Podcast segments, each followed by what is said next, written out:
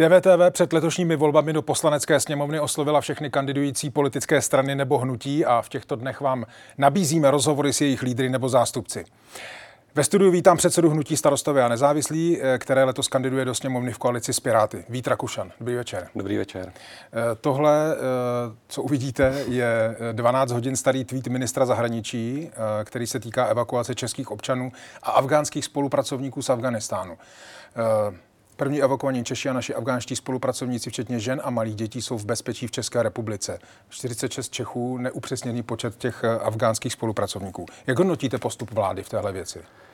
Každopádně to, co se dneska událo, že jsme dostali do České republiky lidi, kteří nám dlouhodobě pomáhali s jejich rodinami, je velmi pozitivní, já to vítám a e, také jsem se pokusil iniciovat přes předsedu zahraničního výboru pana Ondřeje Veselého ze sociální demokracie svolání zahraničního výboru, abychom dostali informace trochu podrobnější. My jsme na vládu tlačili, aby v dané věci zasáhla. Já jsem v té věci interpeloval pana ministra Metnara někdy v červnu. E, dostalo se mě velmi vágní odpovědi a myslím si, že možná ta přípravná fáze na tu evakuaci mohla být o něco rychlejší. Teďka se dostáváme do situace, kdy Kábul je obsazen, kdy eh, situace na letišti je skutečně velmi hektická.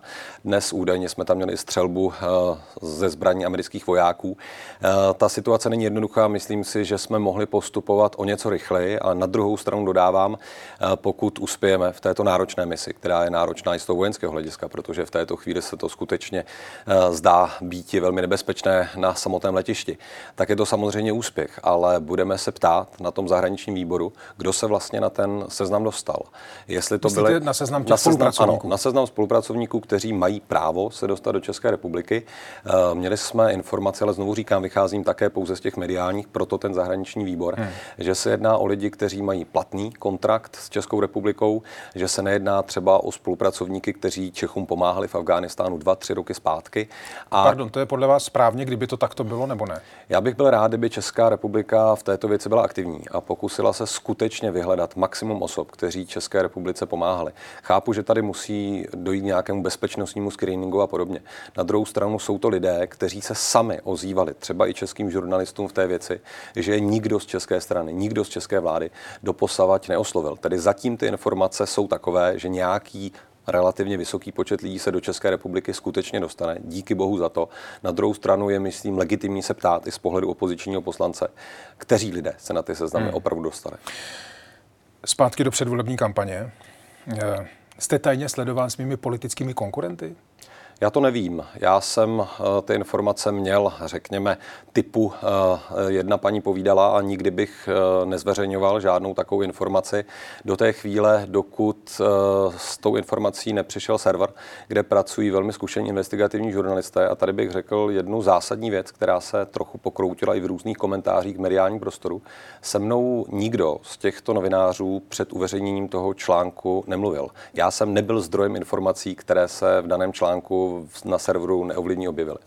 Dobře, eh, abychom přesně věděli, o čem mluvíme, ano. tak 11. srpna jste na svůj facebookový profil napsal tohle, kde to začíná. Už několik měsíců dostávám zprávy z prostředí bývalých policistů, že je poptávka po mém sledování. Eh, takže mm, je vlastně otázka, jestli, jestli to je paranoidní přístup, a nebo jestli máte nějaké důkazy o tom, že se něco takového děje? Paranoidní přístup to není. A já vám řeknu z několika důvodů.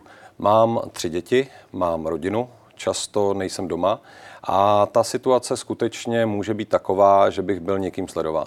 O mě osobně nejde, nepožádal jsem o policejní ochranu, což byla častá otázka. Já se nebudu před lidmi schovávat někde v cukrárně za těžkouděnci, nemám to zapotřebí. Ale jde mi o to, aby nikdo z mého nejbližší okolí, to znamená moje rodina, nebyli vystaveni takovýmto praktikám. A Pardon, byli vystaveni? Aby nebyli vystaveni takovým No a já se ptám, byli vystaveni, nebyli? Já vycházím z informací, které přinesl server Neovlivní. Hmm. Že skutečně je tady poptávka po tom, aby na moji osobu byly se. Tady Daniela Drtinová. Chci vám poděkovat, že posloucháte naše rozhovory. Jestli chcete slyšet celý podcast, najdete ho na webu dvtv.cz, kde nás můžete i podpořit a stát se členy DVTV Extra.